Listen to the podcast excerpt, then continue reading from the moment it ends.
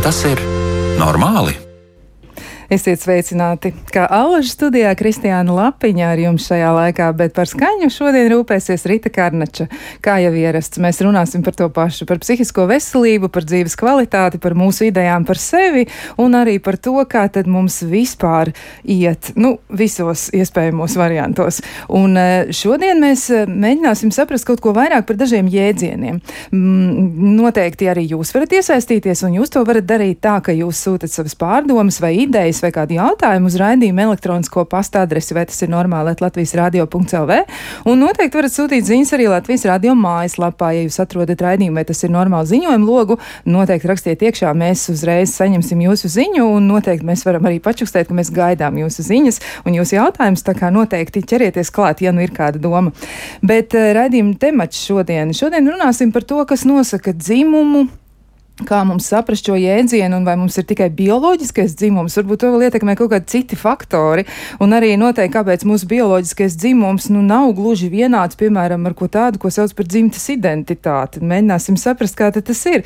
Un uzreiz arī pieteikšu viesi. Pie mums ir Artūrs Zaremba, klīniskais veselības un konsultatīvais psihologs. Sveicināts! Sveiki, prieks būt šeit. Jā, man arī prieks jūs sastapt šajā te laikā, un es atradu laiku ierasties un, un parunāties eh, par šiem tematiem. Tiešām ļoti, ļoti būtiskas lietas, un liekas arī, ka nu, cilvēkiem ir zināms apjukums par eh, daudziem jēdzieniem runājot, un tad viss liekas, ka vienlaikus tur ir tāds eh, aktuāls un nozīmīgs. Un, nu, vēl arī ievedam. Es atradu arī tādu e, nu, citātu no viena bukleta. Šķiet, ka tā ir um, organizācija Mārta, kas ir, um, ir nu, tāds krīzes un atbalsta centrs. Varbūt tā mēs varam to apzīmēt. Un tur arī tādas diezgan interesantas lietas var atrast. Ir dažādi materiāli. Un runājot par šiem dažādiem jēdzieniem, nu, tur tāds citāts man burtiski sanāk. Ja? Tā tad runājot par jēdzieniem dzimtie un dzimums, var rasties izjūta, ka viss taču ir skaidrs. Ja? Pieredze rāda tomēr, ka bieži nekas nav skaidrs. Mm. Un sarunas ir tādas neveiklas, argumenti neskaidri ir apjukums gan domās, gan arī izjūtās, un tas nu, pastiprinās. Un pastāv arī, protams, atšķirības starp dzimtes un dzimumu dažādiem aspektiem, jo, piemēram, dzimte tas ir krāsains spektrs, nevis melnbalta pasaule. Un tad, nu, varētu, protams, uzdot jautājumu, cik dzimumu ir cilvēkam. Ja? Un, mm. nu, it kā jocīgs jautājums, skaidrs, ka divi, un liekas, ka uz jautājumu ir atbildēts. Tomēr izrādās, ka nav tik vienkārši. Jo literatūrā par cilvēku dzimumu pēdējos ziņojumos mēs atrodam, ka nu, tādi skrupulozi pētnieki, kuri ir mēģinājuši dažādos rakursos uz šo visu raudzīties, ir sazīmējuši vairāk par simtu. Jā, nu, tādas mm. interesantas lietas. Jā. Nu, mēģināsim saprast, kas ir kas. Jā. Un vēl arī noteikti, nu, ja mēs runājam par pētījumiem, ļoti daudz pētījumu tiek publicēta angļu valodā, un ir arī tā, ka nu, daži jēdzieni latviešu valodā gluži nav nu, tāpat saprotami, kā tas ir, piemēram, angliski runājušies zemēs. Nu, tad varbūt. Um, Sāksim ar to šķietami vienkāršāko jautājumu, mm. kas nepavisam varētu nebūt tik vienkārši. Kā tad ir ar dzimumu? Mm -hmm. Kas tad nosaka dzimumu? Varbūt sāksim ar šo. Jā, es domāju, tas ir nu, ļoti pazīstams, pazīstams jautājums. Mēs pieradām dzīvot vidē, kur mēs domājam par uh, dzimumu kā tādu divpusēju koku ar diviem galiem konkrētiem - vīriešu un sieviešu dzimums. Bet, nu, arī interesanti ir tas, patiesībā runājot par to krāsaino spektru, par to arī dzimtas identitāti, ko arī tu tikko minēji. Tas, ka, mm, arī tur pētnieki izraugās eh, pamanīt dažādus arī patiesībā veidus, kā uz to arī lūkoties. Un interesanti ir eh, arī skatīties un, un lasīt to, kur rakstīts un apzīmēts tas, ka dzimums pats par sevi arī var būt daudz krāsaināks nekā mēs varam vispār iedomāties. Uh, um, un, un, un daudz vairāk sevi ietvert, nekā mēs parasti arī domājam, ka tas varētu būt ne tikai vīriešu, sieviešu. Uh, mēs bieži arī piemirstam patiesībā starpdzimumu. Kaut gan nu, arī tur ir ļoti daudz par ko ir iespējams runāt, un arī tāds ļoti atšķirīgs varētu būt dalījums dažos gadījumos. Nu, jā, nu, un runājot par to pašu dzimumu, Nu, protams, pirmais, kas, kas varbūt ir tas, var teikt, tā, tā tāds palaidējs, ir, nu, tas ir skaidrs, ka spermatozīds, kas apaugļo uh, olšūnu, un tās chromosomas, kas tiek nodotas uh, no spermatozīda un olšūnas, uh, un vai tas beigās veido XY vīriešu vai XX sieviešu um, to pašu dzimumu, ja mēs par to runājam. Bet arī tur rodas patiesībā ļoti daudz dažādas interesantas situācijas un anomālijas, ko jau arī no bioloģijas un medicīnas pētījumiem mēs varam redzēt. Uh, un arī tāds interesants uh, nu, miedarbība par to, jo arī cilvēki ar XXY var pastāvēt.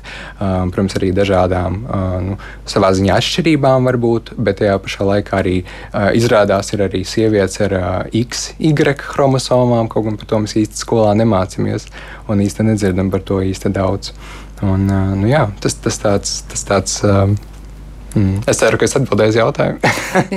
Jā, nu, ir tā, ka tiešām, mm. ja mēs domājam par to, kas ir dzimums, nu, mm varbūt es arī tādas dažas definīcijas likšu klāt Jā. un mēģināsim saprast, nu, kā mēs to vispār saprotam, lai arī mm tiem, tiem klausītājiem, kur mēģinās norientēties šajos jēdzienos, lai viņiem nu, arī pašiem rodas tāda lielāka skaidrība, ja viņi mm varbūt nekad par to tā īpaši daudz nav domājuši, bet nu, reizēm viņiem ir nācies varbūt pašiem saprast, kas ir kas. Nu, tā tad, ja mēs domājam par m, tādu klasisku zinātnisko definīciju par dzimumu, ja, tad tas ir reprodukcija, jeb dzimuma vairošanos nodrošinošo struktūru, vīrišķo vai sievišķo orgānu sistēma, tātad hormoni, dzimuma, mm, nu, orgāni un tam līdzīgas lietas. Ja, tātad, ja mēs to visu saliekam kopā, tad, tad tas ir kaut kas, kas ir par vairošanos. Ar to mēs mm. tā kā mm. sākam. Tur ir tie divi dzimumi.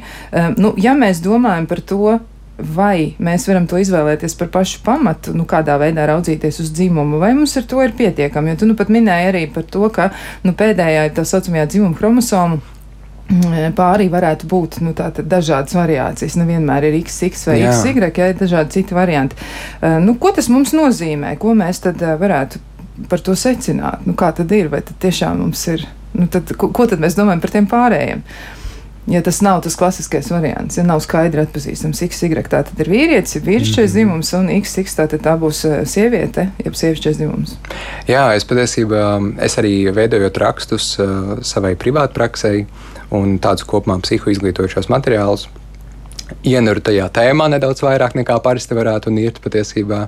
Ļoti interesanti arī lasīt uh, to, tos rakstus, kas skatās, kā jau arī es minēju, uz to pašu dzimumu. Uh, ļoti krāsaini, nu, arī ar tādu pašu skepsi, kā jau tas būtu pētniekam nepieciešams, bet tajā pašā laikā uh, ar tādu interesantu patiesībā ideju, ka uh, tie paši uh, nu, dzimumu nosakošie varbūt faktori un tie gēni un tā kombinācija var būt brīžiem pat tik lielā variācijā, tik lielā daudzveidībā, cik uh, mēs varam iedomāties vispār cilvēku cik mēs varētu saskaitīt cilvēkus uz Zemes šobrīd. Kaut kādā ziņā arī tas ir, tas ir tāds moments, ko, par kuru mēs varētu vēl diskutēt. Un patiesībā ļoti interesanti arī paskatīties, kā būtu pēc tiem pašiem 50 gadiem, kad mēs, kad mēs jau varbūt pat nedaudz vairāk varētu izprast par to pašu dzimumu, kurš nu, varbūt. Nu, kaut kādā ziņā pētīts ir, bet tajā pašā laikā uh, tiek skatīts no varbūt vienas perspektīvas, un kā mēs varētu to raudzīties no citām dažādiem. Jo tagad runājot par to vīriešu un sieviešu dalījumu, tas ir tāds nu, ļoti dihotomisks, tāds ļoti, kā jau arī es teicu, diviem konkrētiem, um, ļoti pretstatiem. Kaut gan nu, arī kaut kāda tur jau ir tā atšķirība, un gluži jau uh, nu, runājot par to pašu dzimumu nosakošiem faktoriem, jā, tad arī tur ir uh, daudzveidība. Arī, uh, bet, nu, arī, protams, tas ir tāds teorētisks un kaut kādi tur tie pierādījumi varētu būt, bet pagaidām mēs nevaram tā uzreiz tā sacīt, ka uh, varētu pastāvēt dzimums uh, ļoti, ļoti daudzos veidos uh, ar konkrētiem ļoti daudziem skaidriem argumentiem un apgalvojumiem. Tas vēl diezgan tiek pētīts, tiek skatīts, tiek domāts, bet es domāju, ka ja mēs skatāmies savukārt vairāk uz to, kā tas dzīvē izpaužās, nevis pētniecībā, un ko tas īsti nozīmē cilvēkiem, Tad nu viens brīdis ir, protams, par to, kas, uh, kas ar, ar, ar kādiem dzimuma orgāniem es esmu piedzimis, ar kādiem iekšējām un ārējām dzimuma pazīmēm es esmu kā cilvēks. Bet, uh, bet no otras puses, mēs vēl arī varam skatīties, bet, uh, kā tad es dzīvoju, kā tad es uzvedos, kā es jūtos un, un, un ko es dzīvē savā daru, un vai tas saskan ar manu um, bioloģisko to pašu dzimumu. Un, un, un, un kā tas, uh, ja tas nesaskan, tad kas tad beigās ir? Un tad šeit man liekas arī interesanti nāk tieši klāt tas dzimtas jēdziens, ko arī tu minēji, par ko mēs arī runāsim šodien. Jā, par to dzimtas jēdzienu mēs noteikti parunāsim vairāk, mm -hmm, bet mm -hmm. ja mēs domājam par dzimumu, nu, mm -hmm. un piemēram Jā. par kaut kādām tādām lietām, uh, tad um, nu, sieviete, kura cīnās. Mm -hmm Nu, kā tas saskan ar viņas dzimumu?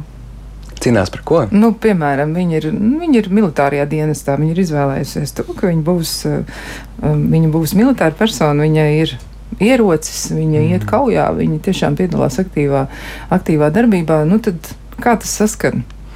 Man uzreiz nāktu tā doma, kā tas nesaskan ar viņas dzimumu. Bet tajā ziņā, ka uh, man, man liekas, šis arī tāds jautājums, un, kas varbūt, varbūt varētu tieši radīt šo diskusiju par to, kā mēs beigās tad, pielīdzinām kaut kādu dzimumu kaut kādām konkrētajām lietām un veidojam to. Es pat teiktu, kaut kādā ziņā nu, interpretāciju vai tādu savu, uh, savu redzējumu un piešķiram nozīmi tam tādā veidā, kā mēs to darām. Jo, nu, runājot par to pašu sievieti, nu, kā, protams, viens moments ir tas, kas viņai ir, kādas viņai ir dzimums pazīmes, vai ne? Uh, un, otrs, un otrs moments ir nu, tas, uh, ko cilvēks dara, kā tas viņu dzīvē uh, liek viņam justies, un vai tas saskan ar to, kā cilvēks redz sevi, uh, un, un, un vai tas ietekmē kaut kādā veidā viņas, viņas dzīvi nu, protams, ir kaut kādas konkrētas lietas, kuras mēs varam redzēt, ka, piemēram, vidēji starp vīriešiem būs vairāk varbūt fiziskā spēka, atsevišķos gadījumos vismaz nekā, piemēram, starp sievietēm vidēji, ja mēs skatāmies. Kaut gan arī tur ir ļoti daudz dažādas atšķirības un arī parādās nu, varbūt tādas nestandarta situācijas, ja mēs runājam par to pašu cīņu. Un, un skatāmies uz to, ka, piemēram, vīrietim būtu vairāk jāiet kas arī tagad, man liekas, ir mūsdienās ļoti svarīgs jautājums. Jo vairāk, bet nu, tas jau ir tāds cits, jau citas čautnes, ar kuru skatīties.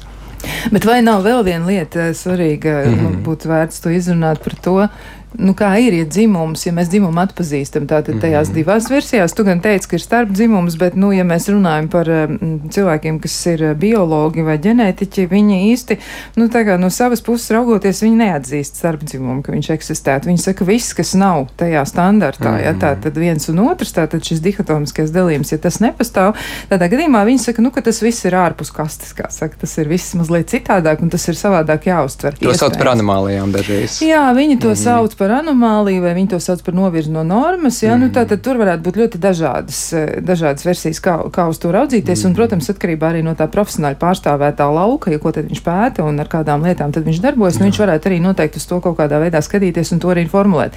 Bet, ja mēs domājam par to, vai vajadzētu tomēr saglabāt arī nu, to dzimumu dalījumu tur, kur mēs to atpazīstam, jo mm. varbūt, ka dažreiz uh, mēs ejam par tālu, ja mēs, uh, nu, piemēram, sievietes un vīriešus, eh, balstoties uz viņu bioloģiskajām atšķirībām, šeit mēs tiešām runājam šobrīd par šiem diviem mm -hmm. dzimumiem, ja tāda vīrieši un sievietes, nu, mēs visu saliekam vienā katliņā. Nu, es, piemēram, nejūtos spējīga pacelt tur kaut kādu milzīgu smagumu, ja, vai veikt kaut kādu ļoti, ļoti garu distanci, kas ir ļoti novārdzinoši, jo man vienkārši nav, nu, man nav tādu anatomisku parametru bioloģisku, kas ļautu to izdarīt. Vīrietis to varētu izdarīt. Un ja es mm. mēģinu startēt ar viņu līdzīgās pozīcijās, vai vienmēr tas nāk par labu, ja mēs mēģinām kaut vai, piemēram, salīdzināt dzimumus, mm. jo tas ir arī pēdējos eh, nu, simts gados ļoti, ļoti mainījies. Cilvēki ir mēģinājuši, nu, tā kā vienādot kaut kādas lietas par dzimumiem tieši runājot. Kā tas tev izskatās?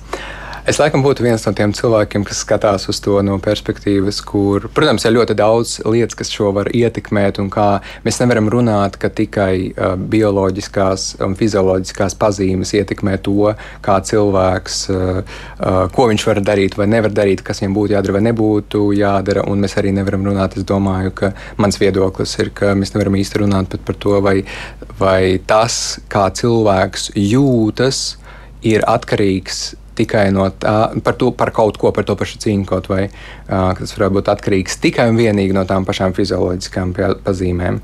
Uh, jo, jo, protams, tas, ka uh, ģenētiski vai uh, bioloģiski uh, cilvēks ir ar, piemēram, tādām pašām sievišķām vai vīrišķām dzimuma pazīmēm, uh, Uh, nu, mēs nevaram tā paņemt un atdalīt tikai šo neņemt vērā absolūti neko citu, kas vēl arī spēlē lomu tā cilvēka formēšanās, attīstībā un veidošanās tā, tajā veidolo, kāds viņš ir šobrīd. Un to, kas man arī uh, liek domāt, ir, ka nu, runājot par, par uh, varbūt kaut kādiem uh, konkrētajiem dzimumam um, atbilstošajām darbībām vai tieši nevēlākam, nevēlākamajām darbībām, piemēram, par, tām, par, tā, par to es nezinu, jums runājam par to pašu. Nu, kaut kādu aktīvāku laika pavadīšanu, ka tas varētu būt vai kaut kāda fiziskā spēka, nezinu, tur kastu kravāšanu, ka tas būtu jādara kaut kādam vīrietim, jo viņš ir piedzimis un viņam ir tādas chromosomas, un viņš ir bioloģiski šādi izveidojies, un viņam ir testosterons. Un, nu, tas atkal būtu jāskatās, vai tas ir tikai tāpēc, ka viņš ir. Um, um, bioloģiski tāds veidojies, vai tas ir arī tāpēc, ka iespējams no bērnības viņam ir teikuši par to, ka tev ir kā vīrietim jādara šīs un tev ir jādara tas, vai tev kā sievietei savukārt būtu uh, jākrāso uh, mati, jārūpēs par to, kā tu izskaties, un nebūtu jāiesaistās pārāk aktīvās darbībās, vai uh, būtu jāsam, jābūt paklus, klusai un varbūt paklausīgai, un vīrietim savukārt agresija kaut kādā veidā vairāk tiek pieļauta, un, nu, mm, un kaut kādā ziņā es pat teiktu, varbūt. Uh, nenosodīta vai pieļaujama vispār no, no apkārtējiem cilvēkiem. Tāpēc, ja mēs skatāmies uz tiem maziem bērniem, uh, kuri skraida, skraida pa bērnu laukumu vai pa to pašu. Uh, Pa to pašu āru, un kā interesanti, uh, parasti puisīšiem dot spēlēties ar mantiņām, un lidmašīnām un mest ar bumbām viens otram. Meitenēm savukārt cenšas kaut kā vairāk ierobežot, varbūt kaut kādas lelītes dot. Un tad tas atkal nu, tāds interesants perspektīva, ka nu, no vienas puses mēs jau nevaram teikt, ka kaut kāda darbība mēs piesaistām cilvēkam, tāpēc, ka viņam ir šādas un tādas chromosomas un tādas un tādas fizioloģiskās iekšējās un ārējās dzimuma izpausmes vai pazīmes. Uh, Nu, Šeit, man liekas, mēs kontroversāls tā, jautājums, manuprāt, ļoti. No vienas puses tas ir kontroversāls jautājums, bet no otras puses mēs ļoti tuvojamies tam dzimtes aspektam, Jā. bet pirms vēl mēs esam pie tā Lām, pieķērušies. Es steidzos uz turieni ļoti. Tu ļoti steidzies uz turieni, jo ir, ir viens, viens nu, vispār zināms aspekts, kas patiesi Jā. atšķir vīriešus no sievietēm, proti tas, ka sieviete mm. gaida bērnu un viņa laiž bērnu mm. pasaulē, un tas ietekmē Jā. kaut vai, piemēram, viņas Jā. nu, darba situāciju, piemēram. Mm. Nu, Vai, protams, sieviete varētu gaidīt bērnu, jo viņai tas bioloģiski ir iespējams, bet tiešā laikā. Nu, um, jā, tas, es, es, es ticu, ka tas iespējams var ietekmēt patiešām to pašu dzīvi. Man arī runājot par um, mm, varbūt tādām personīgām pieredzēm, kas nāk tagad prātā, pilnīgi ir tas, ka, lai gan uh, es varētu sevi identificēt kā cilvēku, kurš ir uh, gados jaunāks, Es arī pamanu, ka mani vienaudži, kuri jau, nu, protams, jau ir nostabilizējušies arī nu, es dzīvē, un mēs, mēs katrs nodarbojamies ar savām lietām, un katrs ir nodarbināts un strādā. Nu, jā, kad, kad arī nu, liekas, tāda, tāda vērtīga pieredze, ko katrs, protams, var piedzīvot, kad, kad nu, citi apkārt cilvēki sāk veidot ģimenes, citi cilvēki sāk, teido, sāk dzemdēt bērnus, palikt stāvoklī arī sievietes. Un, protams, par to mēs varētu runāt, kad kaut kādā ziņā jau ir noteikti kaut kādas lietas, kas var ietekmēt to, nu, kas varbūt varētu būt no bioloģiskās vismaz puses skatoties, uh, atbilstošāks vairāk varbūt vienam dzimumam, un kaut kas būtu atbilstošāks varbūt tam pašam otram dzimumam. Um, Mēs nebūtu lūguši grūtniecei, varbūt nest augšā ratiņus uz kaut kādu trešo stāvu smagos, nu, rūpējoties varbūt par viņas pašsajūtu un arī rūpējoties par bērnu pašsajūtu. Jā, bet nu, es domāju, ka uh, tas ir arī tāds ļoti nosacīts jautājums un būtu jāskatās, uh, kā tu vispār skaties uz šo. Nu, šajā gadījumā jautātāji esmu es un atbildētājs esi tu, jā, bet, eh, ja, ja tu jautātu man, es noteikti būtu no tiem cilvēkiem, kas mm -hmm. teikt, ka tomēr nu, šīs dzimuma atšķirības ir jāmēģina ņemt vērā un jā. tās noteikti ir jārespektē un pilnīgi un absolūti vienādot vienu un otru dzimumu mēs noteikti nevaram, mm -hmm. ne arī mums vajadzētu to darīt. Mm -hmm. Bet te nu mēs beidzot esam klāt pie tās dzimtas eh, jautājuma. Kas tas eh, vispār ir? Vai tu vari paskaidrot, kas ir dzimte un mēģināt iedot varbūt tādu definīciju tiem cilvēkiem, kuri nu, varbūt reizēm domā, ka ir viens un tas pats. Nu, ir, ir kāds, kas varbūt nav iedziļinājies šajos jautājumos, viņam liekas, dzimums, mm. ah, nu, tas ir tas pats, kas dzimta, bet dzimta tomēr ir kaut kas cits. Nu, tad kas ir dzimta? Ko Jā. mēs ar to saprotam? Jā, pirmkārt, pirmkārt tas, kas ir um, varbūt jāatcerās, ir tas, ka dzimta nav dzimums, un tās ir absolūti dažādas lietas. Um, un, ja mēs runājam par to pašu dzimti, tad tas ir arī patiesībā pats par sevi diezgan vispārīgs jēdziens kaut kādā ziņā jo tas ietver vairākas arī apakšā zem sevis lietas, to pašu dzimtas identitāti, to pašu dzimtas izpausmi, kas arī ir vēl atsevišķas lietas zem šī paša jumta termina, var tā teikt. Bet, ja mēs runājam, kas tad ir dzimta, nu, tas, tas, tas pēc idejas varētu teikt, ka tā ir tāda cilvēka vai drīzāk nu, kaut kāda pozīcija, kaut kādā attiecīgā sabiedrībā, vidē, laikā, saistībā ar šī paša cilvēka vai sabiedrības varbūt uzskatiem par to, kā ir jārīkojas, vai ir sievišķīgi vai vīrišķīgi izpausties atbilstošāk, vai tomēr nu, piemēram, cilvēkam, kas izskatās kā vīrietis, būtu jāuzvedās kā vīrietim, vai, vai sievietei būtu jāuzvedās kā sievietei. Nu, tas, kā mēs stereotipiski varam domāt, tā, kādas ir tās uzvedības, varbūt tieši pazīmes. Uh, nu, dzimtes, teiktu, jā, ir tāds uh, termins, kurš iekļauj tieši to cilvēka nu, sevis identificēšanu kaut kādā ziņā, nu, ne tik ļoti varbūt ar konkrētu kā dzim, dzimtas identitāti. Bet, uh, bet sevis redzējumu ar uh, vīrišķīgām un sievišķīgām um, sabiedrībā pieņemtām varbūt, pozīcijām un, un, un uzvedību un, un, un, un ļoti plaši. Bet tad, ja mēs ejam padziļinātāk, savu, kas arī kultūrās var mainīties, un dažādos laika periodos var mainīties šie paši dzimtas, dzimtas izpratne. Jo, piemēram, ja mēs paskatāmies, nu viens piemērs par to. Uh, ja mēs runājam par tādu dzimtas klasisku, varbūt, piemēru, kad nu, Latvijā mēs gluži kad, uh, sasveicinamies ar cilvēkiem, vīrietis un vīrietis nebūtu droši, uh, nu, visticamāk, tādus kā, uh, kā Francijā, varbūt, vai kādā citā. Jā, tā kā saskūpstīšanos veicis tādu žestu vienkārši sasveicināšanās. Tāpat nav faktiski saskūpstīšanās, tā ir vienkārši tāda tā kā. Mm, kā tāda sasveicināšanās, pieklājības norma un tāda kaut kāda nu, kultūras pazīme, varbūt savā ziņā arī Bet savukārt, kaut kādā citā reģionā arī pat interesanti, ka dažā, da, dažās um, Āzijas valstīs vai Austrum valstīs tas uh, attiecīgi, attiecīgajās vidēs var būt pat pieņemts. Tā ir tā dzimta. Dzimta nav tik ļoti par to fizioloģisko un par to bioloģisko cilvēka, varbūt tādu kā sastāvu, ja mēs tā varam teikt, bet drīzāk par cilvēka izjūtu par sevi un arī to, kā sabiedrība, ko viņa varbūt var sagaidīt no cilvēka un kā tas viss vienlaicīgi miedarbojās, kā cilvēks sevi identificē. Un tad savukārt es teicu, ka dzimtas identitāte ir tas, kas ir apakšā vēl, un arī dzimtas izpausme. Nu, tad runājot par to pašu dzimtas identitāti, nu, tas ir veids, kā cilvēks uh, pauž un sevi identificē, kā viņš sevi redz, kā viņš uh, sevi sauc, uh, vai cilvēks sauc sevi par cilvēku, kura uh, dzimtes izpausme, uzvedība, izskats, viedokļi, uzskati mm, sakrīt ar to, kā tas būtu vismaz mūsu stereotipiskajā vidē, piemēram, vīrietim jādara, jāuzvedās, vai sievietei jādara un jāuzvedās. Un tad savukārt tas ir, uh, un, tas, un tad beigās kā cilvēks sevi identificē, jo atkal viens cilvēks var sevi identificēt kā vīrietis, un viņš arī fizioloģiski būs vīrietis. Tā kā tas viss sakrīt, to piemēram sauc par uh, cisdzimti latviešu valodā varbūt tā ne, netik veikli izklausās angļu valodā. Ļoti neveikli. Jā, jā, tie termini ir, man liekas, vēl jāadaptē noteikti un jāstrādā, un kas ir prieks ir redzēt, ka arī ir daži speciālisti, kas strādā pie šī vairāk šobrīd, bet uh, savukārt angļu valodā jau daudz vairāk uh, par šo runā, un termini ir daudz, uh, nu, var tā teikt, vieglāk izrunājumi bez kaut kādiem varbūt neizprotošiem nu, momentiem sauc angļu valodā par cisgender, kur cilvēks identificē sevi ar to pašu, varbūt pazīmju kopumu, kas ir saskatāms, piemēram, bioloģiski, stereotipiski vīrietim. Un tad, ja, piemēram, cilvēks tā jūtas, tad viņš tā sev var identificēt, vai tas pats ir sieviete. Bet tad savukārt ir arī cilvēki, kuri varbūt jūtas vairāk kā tieši kāds cits dzimums.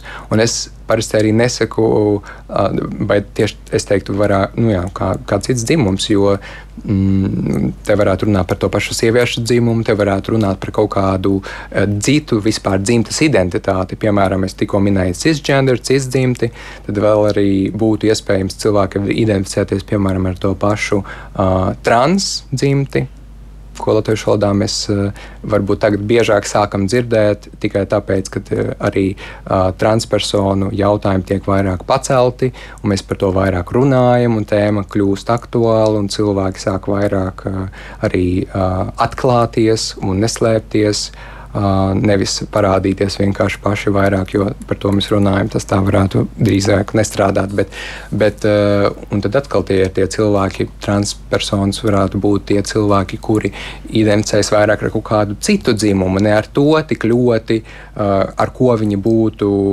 no bērnības, ar ko viņi tika identificēti. Piemēram, vīrietis, kas nejūtas tik ļoti, kā stereotipiski mēs varētu domāt par vīrieti, gan uzvedības, gan, gan izpratni, gan, gan kaut kādu uzskatu ziņā, gan fizisko īpašību ziņā. Tad cilvēks varētu sevi identificēt kā, piemēram, nu, transpersona, transvīrietis, transsievietes, atvainojos, un, un tad vairāk attiecināt sevi uz citām, piemēram, sievišķajām pazīmēm.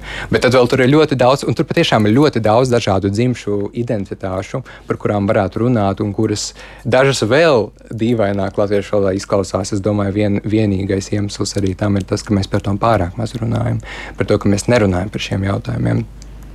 Tāpat tās, piemēram, nebināras personas. Uh, mēs varētu domāt, ka pastāv divi varianti, kā cilvēks varētu dzīvot - vīrietis un sieviete. Tas ir arī dzimums. Nu, jā, no bioloģijas, no bioloģijas, no bioloģijas perspektīvas tas, tā, tā arī ir. Tā, tas ir dzimums. Jā, par to absolūti. mēs arī tā runājam. Bet uh, savukārt, ja mēs runājam par, uh, par dzimti, vai mēs varam sagaidīt, ka jau tuvojoties astoņiem miljardiem cilvēku Zemes, absolūti visi cilvēki varētu justies un vēlēties dzīvot un uzvesties tā, kā mēs iedomājamies par to, kādam vismaz stereotipiski būtu jābūt, vai kā vispār vidēji būtu jābūt vīrietim vai sievietim. Es domāju, ka atbildi šo jautājumu ir visticamāk, manā vismaz viedoklī, ir nē, jo tik milzīgs cilvēku skaits un tik ļoti dažādi cilvēki var būt, ka mēs nevaram sagaidīt, ka visi ieklīdīs un ielīdīs tādā mazā konkrētā šabloniņā. Mēs nerunājam atkal par to pašu dzimumu šeit, bet es atkal atkārtoju, ka tas ir tieši dzimts jautājums. Dzimts jautājums, jā. jā. Nu, tā ir tāda ļoti sarežģīta lieta. Tur mēs tiešām varam ienirt, kā saka, līdz pašai apakšai un atradīsim ļoti daudz dažādas lietas, bet uh, mēs tūliņ turpināsim savu sarunu par šiem visiem jautājumiem un mm. arī ne tikai par tiem, bet nu, to tad pēc īsa brīža.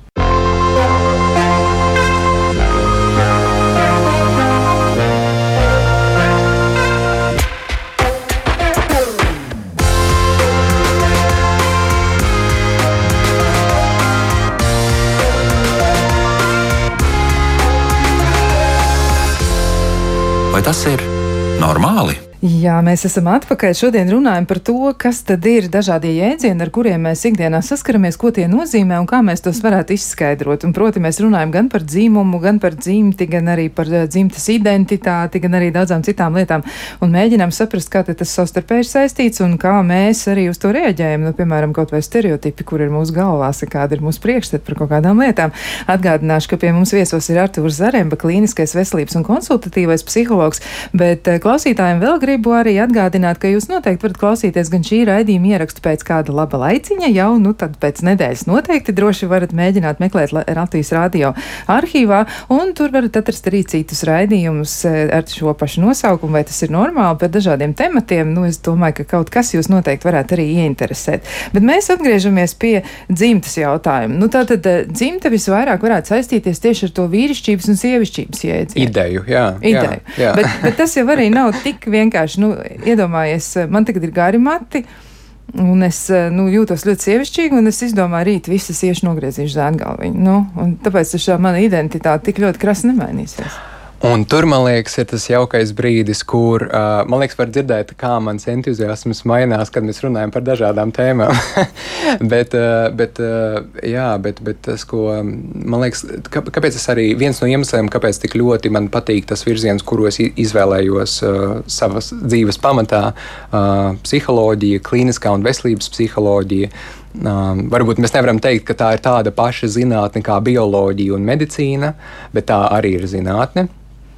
Un, uh, tas, kas man ļoti patīk, ir tas, ka ir iespēja, un te arī mēs pieskaramies tam pašam dzimtas jautājumam, um, caur šo šī, šī um, psiholoģijas, varbūt var tā teikt, ko, nu, tādu, no, no manas perspektīvas, tāda kopēja ideja ir tas, ka mēs spējam paskatīties uz cilvēku no ļoti daudzām perspektīvām. Uh, mēs ietveram, uh, protams, iespējams arī uh, tos pašus ļoti būtiskos, patiešām bioloģiskos, uh, bioloģiskos elementus. Mēs skatāmies arī no sociālajiem elementiem uh, un no arī psiholoģisko elementu perspektīvas. Kāpēc arī dzimtu bieži vien uh, mēs varam arī nosaukt ne tikai par dzimti, bet arī par uh, uh, psihosociālo dzimumu. Nu, jo tas ir kaut kas tāds, kas veidojas sociālo un arī psiholoģisko faktoru ietekmē. Un par to zēngalu viņa runājot, atgriežoties pie tā komentāra, tad man reiz nāk prātā tā, tas, ko es arī minēju par dzimtas identitāti. Tas ir patiešām tas veids, kā cilvēks sevi identificē, kā viņš sevi nosauc. Un tas interesantākais, man liekas, tas daudzveidīgākais šajā, un varbūt kaut kādā ziņā tas viss vairāk prātu jaucošais, ir arī tas, ka. Mm, tas, kā cilvēks sevi identificē, var nelīdz galam sakrist ar to, kā cilvēks no malas var izskatīties.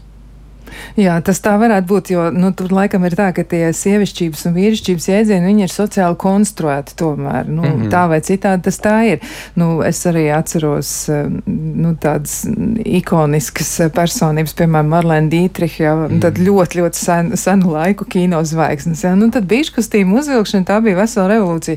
Un tad tas sievišķīgums nu, parādījās jaunā gaismā. Tā tad ir kaut kas tāds, ko mēs paši veidojam un asociējam pēc tam ar šo dzimti. Mm -hmm. Bet var taču tā būt, ka kāds cilvēks atskārst nu, vienā jaukā dienā, nu, es negribu būt uh, sava dzimuma pārstāvs, jo man kaitina manas, manas uh, dzimuma pazīmes. Man nepatīk tas, kas ar mani notiek. Nu, piemēram, meitene varētu justies ļoti sašitus, viņai sāks pubertāte, un viņa konstatē, ka tas, kas notiek ar viņas ķermeni, tas ir kaut kas, kas viņai absolūti nepatīk. Viņai, Mm, tas nesagādā nekādu prieku, lepnumu un gandarījumu, un viņi drīzāk jūtas tādi iztraucēti un nomākti varbūt. Un, eh, kā tad ar šo, jo nu, tā ir tā bioloģijas daļa? Protams, jā.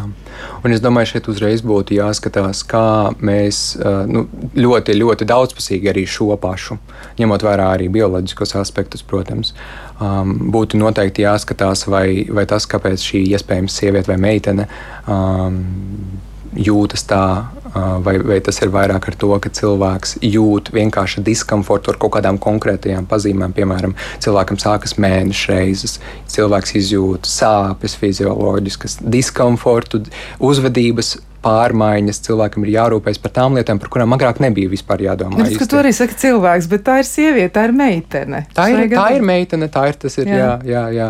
Uh, Jau, varbūt iemesls, kāpēc es saku, cilvēks, ir, ir tāpēc, lai um, es, es, mans, mans dziļākais uzskats ir par to, ka um, ir tās lietas, kur mēs ieciklējamies ļoti daudz kur.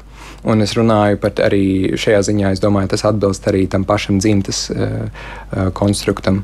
Jo mēs ļoti bieži ieciklējamies uz to, lai kaut kā ieliktu kaut kādā kastītē kaut ko. Protams, ir lietas, kuras mēs tā arī tikai varam bieži vien likt. Un uh, kaut kādā ziņā mēs varam nedaudz šeit saskarties ar bioloģisko dzimumu. Mēs varam bieži to klasificēt līdzīgi, iespējams, bet tajā pašā laikā.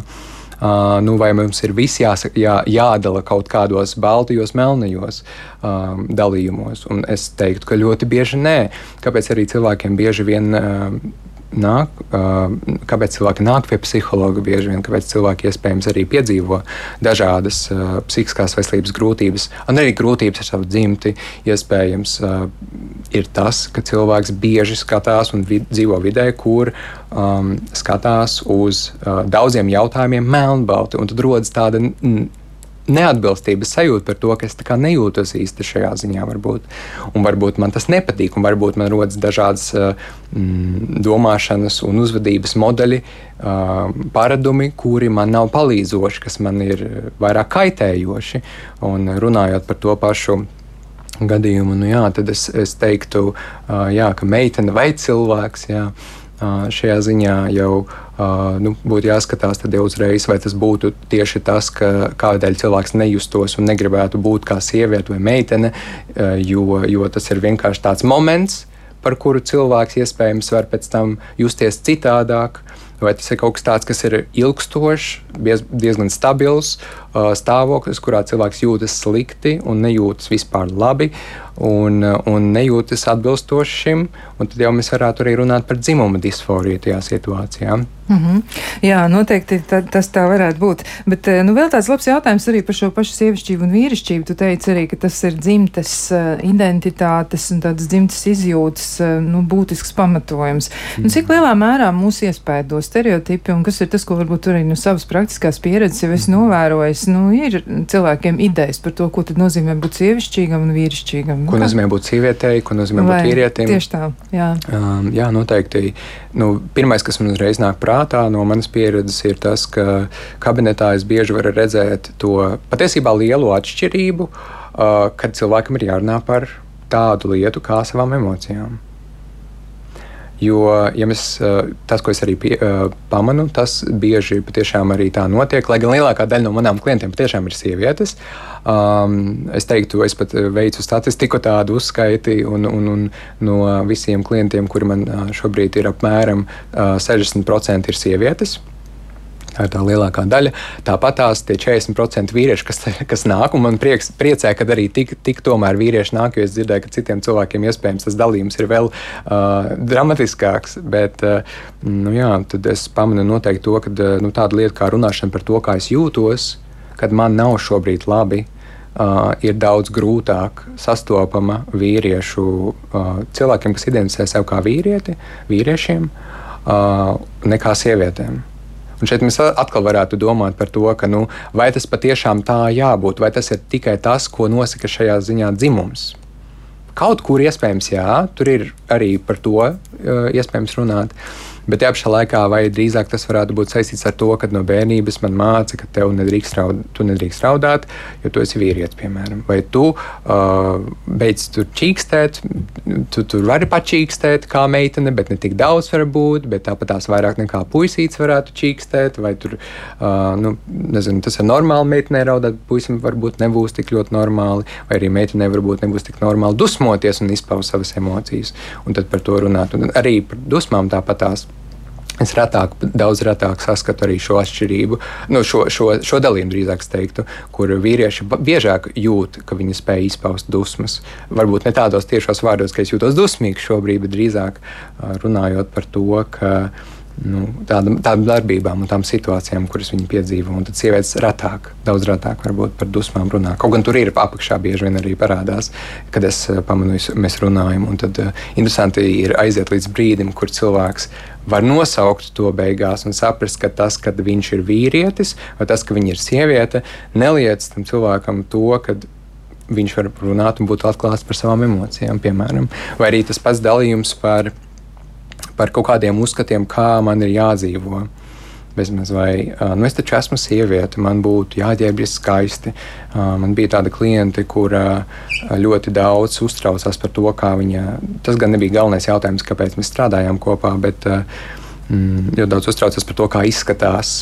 Ļoti daudz. Un, un es gan pamanīju viņai vairāk tā izteiktāku šo pazīmi, bet arī citām sievietēm bija tas, bet mazāk varbūt ne tik izteikti. Vīriešiem savukārt daudz mazāk, vismaz par to mazāk runā. Es domāju, arī vīriešiem tas varētu būt. Bet, bet, arī tas ir kaut kāds tāds moments, kur mēs varētu domāt, vai tiešām tas, ka cilvēkam bioloģiski ir tādas dzimuma pazīmes, nosaka to, ka viņam būtu jāpārdzīvo vairāk par savu uh, par savu ķermeni, jo, jo tā viņš izskatās, un, un vai patiešām tas tikai ar to ir tādā veidā saistīts. Un es domāju, ka tā atbilde šeit ir nē, un tas patiešām ir saistīts ar to, ko beigās tas cilvēks, kā es teiktu, kā, mm, kā sūklis iesūdz tajā vidē atrodoties, kur viņš ir uh, no audzes un kurā, kurā viņš uztver to informāciju no pašas bērnības līdz pat uh, pieaugušā cilvēka vecumam vai nobrieduma gadiem. Jā, bet eh, nu, tad, ja mēs domājam arī par to, nu, piemēram, par stereotipu sociālā spiediena ietekmi mm. attiecībā uz cilvēkiem. Mm. Man liekas, ka tur tomēr ir eh, dažāda attieksme pret vīriešiem un sievietēm. Un droši vien dažādās sabiedrībās dažādi, un kultūra neapšaubām Jā. arī to ietekmē. Jā, bet, eh, bet tā nu tas ir. Varbūt, ka daļa no tā skaidrojuma ir saistīta tieši ar to, ka tā sieviete, viņa izjūt to sociālo spiedienu, bet tur ir ļoti daudz personisku jūtu saistībā ar šo kā viņi to piedzīvo. Un tas ir kaut kas daudz dziļāk, kas viņu uzrunā, kāpēc viņi nejūtas tik labi. Mm. Bet jautājums arī, vai tās personiskās jūtas rodas no viņas pašas, ne no kurienes vienkārši. Tas ir vienmēr labs jautājums. Jā, Jā. Nu, vēl arī ir tāda, mm. vēl viena lieta, ko noteikti arī mēs varam izrunāt. Nu, tieši runāt vairāk par jēdzieniem. Protams, neapšaubām ar dzimumu vai arī ar, ar dzimti un dzimtas identitāti ir saistīts arī vēl dažas lietas, nu kaut vai, piemēram, romantiskas jūtas un arī seksuālās jūtas. Eh, nu, te arī ir ļoti daudz dažādu jēdzienu, par kuriem runā aizvien vairāk. Un, eh, kā tad ar šo? Tur arī noteikti ir tādas daudzas atšķirības un, un, un cilvēki izjūtās tieši. Ja mēs, nu, varbūt, nu, varbūt mm -hmm. mēs varam par to seksualitāti mm -hmm. mēģināt nodefinēt tos jēdzienus, kuri tad tiek lietoti un ko tad katrs no tiem nozīmē. Es tikko dzirdēju, ka tu minēji vārdu seksualitāte, un tas ir ļoti, ļoti. Uh, man prieks, ka mēs sabiedrībā spējam vairāk vispār runāt par tādu lietu kā seksualitāte. Uh, Um, es arī uh, cenšos, cenšoties tā, tā tādā pašizglītu, pašizglītības procesā, nirt vairāk vispār tādā seksualitātes izpratnē, kas tad ir vispār seksualitāte. Jo, man liekas, patiesībā arī mūsdienās nav tik līdz galam. Nu, pilnvērtīgi, ļoti, man pašam arī jūtu brīžiem, nav līdz galam skaidrs, kas ir seksualitāte. Bet es domāju, ļoti daudziem cilvēkiem ir. Un bieži vien, kas nāk uh, prātā, domājot par tādu seksualitāti, kas tad ir tā seksualitāte, ir uh, nu, vai nu sekss, vai nu seksuāla orientācija. Uh, bet es domāju, ja mēs runājam par seksualitāti, ļoti daudz kas apakšā. Un tā patiešām ir tāda ļoti daudz nozaru uh, lieta, tāda ļoti daudz nozaru mm, nu, ideja vai, vai jēdziens, kurš ietver sevī gan, protams, seksu, gan, protams, seksuālo orientāciju, uh, bet arī tajā pašā laikā jūtekliskumu spēju piedzīvot uh, sevi kā seksuālu būtni, spēju izpausties un justies kā seksuālai būtnei, uh, intimitāte vai arī kaut kāda varbūt varas izmantošana seksa laikā. Nu, tur ir vēl ļoti daudz, par ko mēs varētu runāt šeit. Arī, domāju, arī do, ļoti daudz bioloģiski aspekti varētu iet zem seksualitātes jautājumu par tiem pašiem seksuāli transmisīvām uh, infekcijām vai slimībām. Varētu runāt, tas arī ir seksualitātes daļa, vai tas pats dzimuma akts, protams, nu, kas arī ir seks. Bet, um, savā ziņā, bet ne tikai tas ir seks. Um, Tad, ja mēs runājam par to seksualitātes uh, ideju, kas ir uh, drīzāk apakšiedalījumu seksuālo orientāciju, um, tas, ko es arī uh, skatoties, pētot vairāk, uh, redzu, ko pētījumi arī uh, izdala bieži vien, ir tas, ka seksuāla orientācija patiesībā arī tāds viens jumta termins, zem kura mēs varam redzēt vairākas atsevišķas daļas. Uh, kuras ir uh, kaut kādā ziņā uh, ne tik vienmēr saistītas savā ziņā. Un kas tad ir tās daļas beigās? Viena daļa, protams, ir seksuālā pievilcība. Tas ir tas, ko es kā cilvēks jūtu, kādu seksuāl, seksuāls izjūtas, fantāzijas pret kādu tieši dzimuma vai dzimtas cilvēku es to jūtu. Piemēram, sieviete var izjust pret vīrieti vai, vai kā citādāk. Uh, Un tad, piemēram, nu, tā, tā pievilcība tas ir tikai viens aspekts, jo ir vēl arī cits, piemēram, seksuālā uzvedība, kā faktiski cilvēks rīkojas. Nav noslēpums, ka ir cilvēki, kuri identificē sevi kā heteroseksuāli, piemēram, um, un tas varbūt šobrīd tāds ļoti arī kontroversāls temats, par kuru daudzi nejūtas ērti runāt, bet uh, cilvēks, kurš identificē sevi kā heteroseksuāls, tajā pašā laikā var iesaistīties um, seksuālās darbībās, kuras nav heteroseksuālas. Tas arī tas, ko mēs varam redzēt. Vairāk sievietēm nekā vīriešiem, bet arī vīriešiem tas ir izpildīts. Un tas nav uzreiz uh, jautājums par homoseksualitāti vai biseksualitāti vai kādu, kādu citu uh, seksuālās orientācijas uh, identitāti. Un tad jā, tā uzvedība var atšķirties arī. Un tad trešais vēl arī tāds moments ir uh, seksuālais uh, uzbudinājums, kas ir tas fizioloģiskais un psiholoģiskais uzbudinājums pret kādu konkrētu dzimtes vai uh, dzimuma cilvēku. Jo um, arī daudz pētījumu ir veikti par to, kur um, mēra tieši cik ļoti fizioloģiski, piemēram, erekcijas ziņā, vai arī uh, cilvēka citu uh, ķermenisku pārmaiņu ziņā um, skatās uz to, kā dodot cilvēkam skatoties, skatīties kaut kādus ierakstus, fotografijas, video un citus stimulu materiālus, uh, kā cilvēks uzbudinās fizioloģiski un psiholoģiski. Un, un tās atšķirības arī nav tik melnbaltas, kā mēs varētu domāt. Kad arī heteroseksuāls vīrietis, kurš sevi tā arī sauc un identificē, var patiesībā būt uzbudināts ar to, kur nav nekādas runas par heteroseksualitāti, kur ir piemēram video ar diviem vīriešiem. vai heteroseksuāla sieviete var arī to pašu izjust līdzīgu, uh, varbūt kaut kādu uzbudinājumu un izjūtas un uh, psiholoģisko, fizioloģisko uzbudinājumu. Uh, ja mums ja, ja skatās tos pašus video ar sievietēm, uh, nu, arī tas nav tik melnbalti bieži vien. Tāpēc ir arī bieži izdalīts pētījumos šis te, uh, fizioloģiskais vai drīzāk seksuālais uzbudinājums, kas ir tas fizioloģiskais un psiholoģiskais. Un tad savukārt ir ceturtais elements, kas ir seksuālās orientācijas identitāte. Kas ir tas, neskaitot uz visus pārējos elementus un iedalījumus seksuālajai orientācijai, neskaitot seksuālo uzvedību, neskaitot seksuālo uzbudinājumu, neskaitot seksuālo pievilcību, kā cilvēks beigās sevi nosauc. Vai viņš sauc sevi par heteroseksuālu, uh, vai viņš sauc sevi par homoseksuālu, biseksuālu, aseksuālu, panseksuālu vai vēl kādu. Vēl ir arī omniseksualitāte. Panseksuāls, tas ir sinonīms. Panseksualitāte, jā, jā panseksualitāte, mm. omniseksualitāte, tas ir viens un tas pats, bet vēl mēs varam pieminēt arī, ka ir demiseksualitāte, un tas ir arī tāds iedziens, kas tiek lietots arī pētījumos, mm. to izmanto, un gan psihologi, gan arī citi jomas speciālisti to lieto. Mm. Nu, un lūk, šī ir situācija, ka cilvēks seksuālo tieksmi pret otru cilvēku izjūt tikai pēc tam, kad viņam ir izveidojusies ļoti spēcīga emocionāla piesaiste. Tas nozīmē, ka, mm. nu, nav nemaz tik vienkārši nepietiek nepietiek ar to vien, ka mēs pārstāvam tātad to vienu dzimumu vai, piemēram, otru, nu tādā ļoti, ļoti tādā primitīvā versijā mēs uz to raudzītos, un tad ar to būtu gana, ja, nu, kas mhm. varētu izveidot attiecības. Jā, noteikti. Un es pat varētu teikt, ka, ka kaut kādā ziņā demiseksualitāte, uh, kas ir seksuālās orientācijas identitāte, um, apraksta tieši šo emocionālās vai varbūt romantiskās piesaistes jautājumu attiecībās ar citu cilvēku. Uh, kas patiešām, kā arī tu minēji, ir cilvēks, kurš ir spējīgs eh, iesaistīties seksuālā darbībā, iespējams, kad izjūt vairāk emocionālu un romantisku varbūt piesaisti pret eh, partneri vai partneriem. Un tad savukārt, eh, bet tas arī tajā pašā laikā varbūt iespējams neapraksta konkrēti pret kādu cilvēka uh, dzimumu vai dzimti cilvēks izjūt šo piesaisti un, pār, un uzvedību, kādu pauž un uzbudinājumu, kādu piedzīvo. Uh, Līdz ar to man liekas, ka šīs seksuālās orientācijas, identitātes pasaule ir ļoti plaša. Un vēl liels piemērs, ka um, um, es domāju, iespējams, jau ir dzirdēts, bet uh, cietumos vīrieši, uh, vīrieši cietumos um, mēdz piedzīvot. Uh, um, seksuālas, uh, seksuālu uzvedību, tieši seksu, kaut kādas seksuālas darbības ar citiem vīriešiem, pieņemsim. Bet viņi neidentificēs ar kā homoseksuālus. Un pēc tam, kad viņi iziet no cietuma, viņi turpina uzturēt attiecības un seksuālu kontaktu ar sievietēm.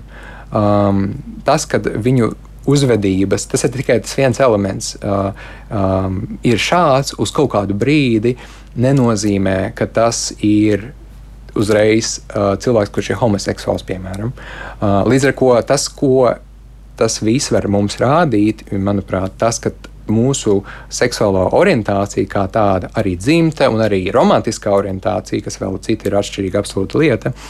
Um, ir uh, daudz daudzveidīgāka nekā mēs to varam domāt, un uh, daudz plašāka, daudz mainīgāka nekā mēs to arī varam domāt, jo arī seksuālā orientācija, kā mēs to varam iedomāties, tā identitāte var mainīties ar laiku. Mums nav pārāk daudz laika atlicis, ja, bet varbūt tomēr tu vari arī drusciņi raksturot vairāk, ja to romantisko orientāciju. Ja. Nu, kā tas nākas, ka cilvēki izjūt pievilkšanos? Vai neizjūt kādreiz dzīves laikā? Ir arī cilvēki, kuri ir aromantiski. Jā, noteikti. Jā. Mēs bieži runājam par seksuālo orientāciju, un mēs sakām, ka, nu, piemēram, tur esmu tas, esmu tas, bet mēs īstenībā nekad uh, tik daudz nenodefinējam, nenosaucam uh, vārdos uh, Uh, kas ir tas, kā es izpaužu sevi romantiskā ziņā un jūtu ziņā. Jo nav noslēpums, un es domāju, nu, kaut kādā ziņā tas arī ir tāds stereotips, ka vīrietis varētu būt mazāk emocionāls un romantisks attiecībās nekā sieviete. Uh, un, un tad savukārt tas kaut kādā ziņā varbūt jau tiek skatīts kā norma. Uh, Bet tajā pašā laikā ir iespējams, ka cilvēks vispār neatkarīgi no sava dzimuma vai dzimtas nepiedzīvo īsti nekādu, piemēram, um, romantisko piesaisti pie partnera.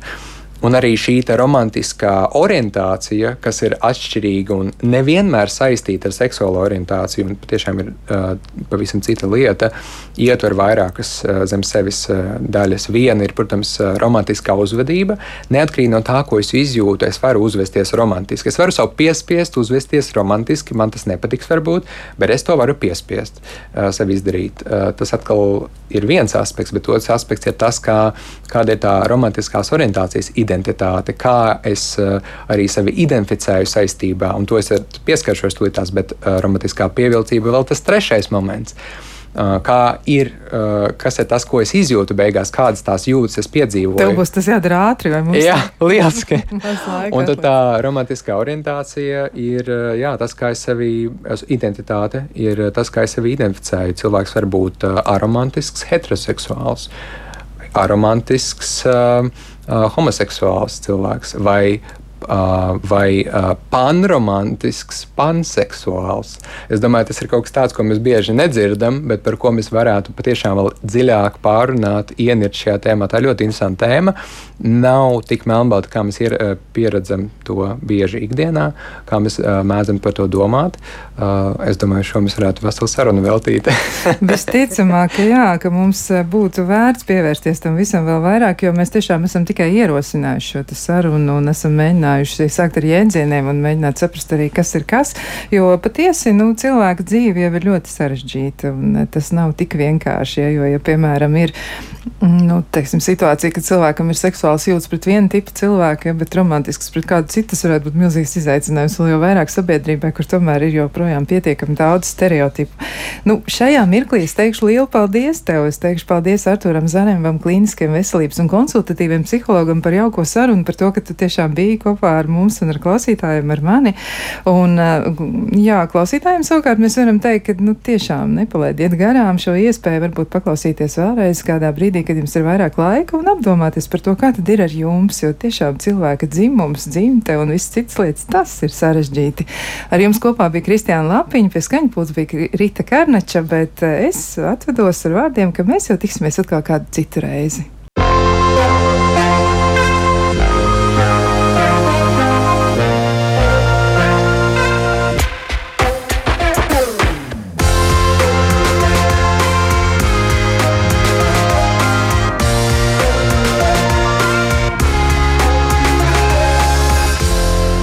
Vai tas ir normāli?